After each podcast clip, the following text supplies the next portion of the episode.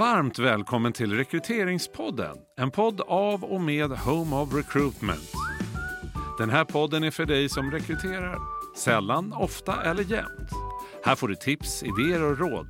Allt för mer rättvisa och träffsäkra rekryteringar. Hej och välkommen till Rekryteringspodden. Dags för ett nytt avsnitt. Här sitter jag, Anki Stavefelt, tillsammans med... Med mig, Josefin Malmer, som vanligt. Precis. Mm.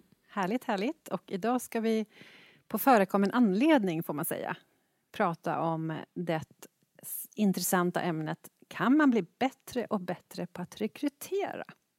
Ja, och den förekommande anledningen är ju lite grann att vi har gått ut eh, och efterfrågat eh, nya kollegor har det ju varit som eh, Eh, har en dålig och opolitlig magkänsla och som är eh, dåliga människokännare och som inte liksom upplever att de är eh, fantastiskt grymma på att rekrytera. Och det gör vi ju såklart utifrån att vi vet att de här sakerna personer som själva ser sig som just duktiga på att läsa mellan raderna, eh, förstå sina kandidater på djupet genom att liksom, ja, känna läsa in, läsa kroppsspråk och alla de här knasiga sakerna eh, är sannolikt kanske inte de som vi vill eh, ha in eh, hos oss i alla fall som mm. rekryterare. Vi tror inte på att man faktiskt blir en bättre människokännare med åren.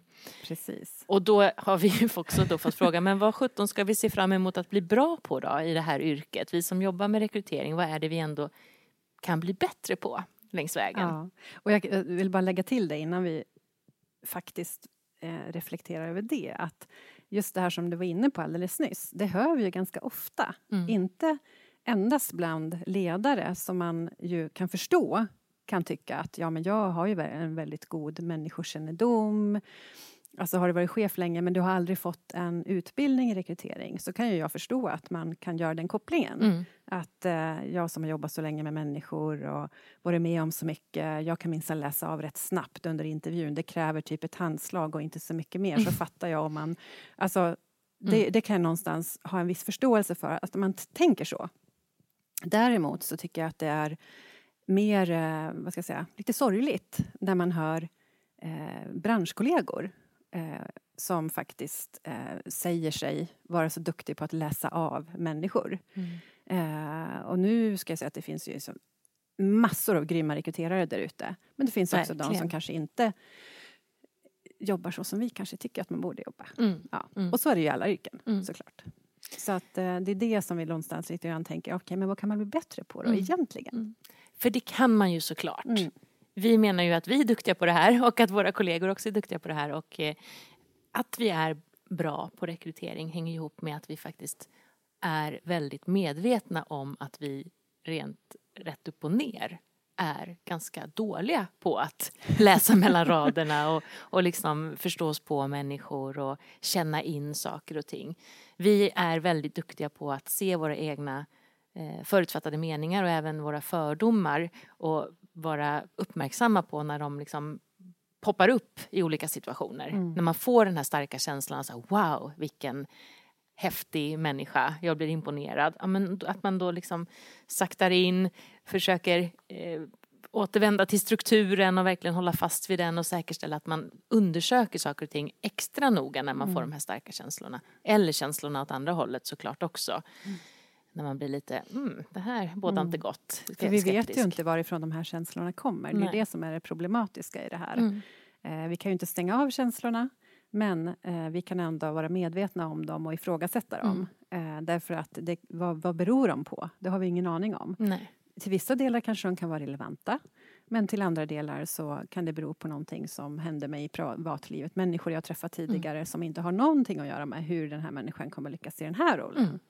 Eller bara hur jag liksom sovit i natt. Alltså sådana saker också. Ja. Så det tänker jag är någonting man blir bättre på. Att förstå att det här påverkar en. Vad det är man själv går igång på. Eh, och hantera det på ett bra sätt. Så den tänker jag är jättebra eh, att utveckla eh, med åren. Mm. Och det tror jag definitivt, det upplever jag själv att jag har blivit mycket bättre på. Och sen att, det, att hålla fast vid strukturen. Att man någonstans eh, kanske bli bättre och bättre på faktiskt att sätta upp en struktur. Mm. Eh, och eh, att inte minst då inte glömma bort att jag kan inte gå in i en intervju utan intervjumall. Eh, bara för att jag har gjort en intervju 25 000 gånger. Utan det, det, handlar om att jag alltid ska använda verktygen som finns. Att mm. jag alltid ska använda den struktur vi har satt upp. Mm. Eh, för att liksom ha det här som en ledstång på vägen när vi rekryterar. Eh, det, att använda de verktygen, tänker vi, mm. kan man också bli bättre och bättre på. Mm. Och säkerställa att man faktiskt använder dem hela tiden. Mm. Så. Och vill bara tillägga där, man kan sannolikt också med åren bli bättre på att argumentera för varför de här verktygen och den här strukturen hjälper oss så att man på så vis också kan få ännu fler att köpa in på det här, personer som man samarbetar med i rekrytering exempelvis. Mm. Det blir man ju också bättre på. Man liksom övar upp den här eh, argumentationsförmågan eller de här pedagogiska eh, förklaringarna kring varför vi jobbar som vi gör. En annan sak som gör att man faktiskt utvecklas som rekryterare är ju såklart också att man håller sig uppdaterad med vad som händer inom området. Så att vara nyfiken och vara liksom öppen för att testa nya saker. Det händer ju jättemycket på marknaden. Massor med spännande grejer mm. redan nu och framåt. Men samtidigt vara lite kritiskt granskande till de här sakerna. Liksom gå till botten med saker och ting, ta reda på hur det ser ut med forskningen bakom. Finns det studier? Finns det, eh, ja, finns det någon som har liksom kritiskt tittat på det här med, med andra glasögon än bara leverantören själv och så vidare. Så det är jag också helt säker på att man eh, blir, ja, kan bli bättre och bättre på. Mm. Använda nya verktyg som erbjuds mm. men också ifrågasätta och undersöka eh, är det här uh, bara coolt mm. och uh, känns lite attraktivt för att det blir, ja vad vet jag, känns uh, nytt och fräscht. Men det tillför ingenting utan vi blir bara mer subjektiva. Mm. Alltså verkligen fundera över eh, vad som vi ska applicera och vad inte. Så jag tänker sammanfattningsvis, även om det är ett väldigt kort avsnitt, så, det så absolut kan man eh, utvecklas inom rekryteringsområdet och bli eh, med åren en fantastisk rekryterare. Och det behöver inte heller ta flera år, utan jag tänker att det här är mycket en, en inställningsfråga, mm. en attityd eh, som som man kan ha med sig redan som nyutexad eh, och som man uppenbarligen inte kan ha eh, i vissa fall också även som supersenior rekryterare. Absolut, mm. och jag tänker en bra inställning att ha med sig det är ju någonstans att för jag kan ju känna så här att ja, men det blir på ett sätt bara svårare och svårare att rekrytera. Ja, jag håller med. men det håller en på tårna. Ja. Och det tror jag någonstans kanske också är en, eh, ett bra förhållningssätt. Mm. Att man inser att det är svårt och man mm. måste vara på tårna. Det får bli avslutande ord tänker jag. Bra. Bra. tack för idag. Tack, tack. Du har hört en podd av Home of Recruitment. Om du vill komma i kontakt med oss, skicka ett mejl till info at homeofrecruitment.se. Podden är producerad av Septemberfilm.